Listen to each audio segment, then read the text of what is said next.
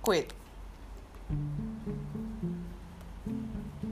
When things go wrong, as they sometimes will, when the road you're trudging seems all uphill, when the funds are low and the debts are high, and you want to smile but you have to sigh, when care is pressing you down a bit, rest if you must, but don't you quit. Life is strange with its twists and turns, as every one of us sometimes learns. And many a failure comes about when he might have won had he stuck it out. Don't give up though the pace seems slow. You may succeed with another blow. Success is failure turned inside out the silver tint of the clouds of doubt, and you can never tell just how close you are. It may be near when it seems so far. So stick to the fight when your hardest hit.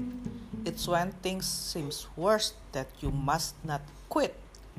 For all the sad words of tongue or pen, the saddest are this it might have been by John Greenleaf Whittier, 1807 until 1892. Your turn. Uh, um, Say the title first. don't quit.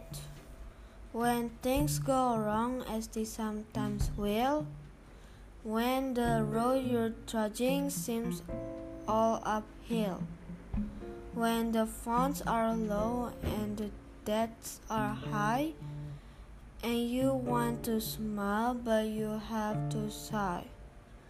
When care is pressing you down a bit, rest if you must, but don't you quit. Life is strange with its twists and turns, as every one of us sometimes learns. And many a failure comes about when he might have won had he stuck it out. Don't give up though the pace seems slow. You may succeed with another blow. Succeed is failure turned inside out, the silver tint of the clouds of doubt. And you never can tell just how close you are it may be near when it seems so far.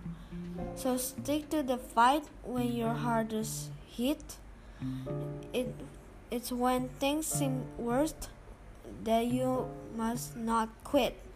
For all the sad words of tongue or pen, the saddest were the saddest are these. It might have been John Greenleaf with their 18 7 until 1892.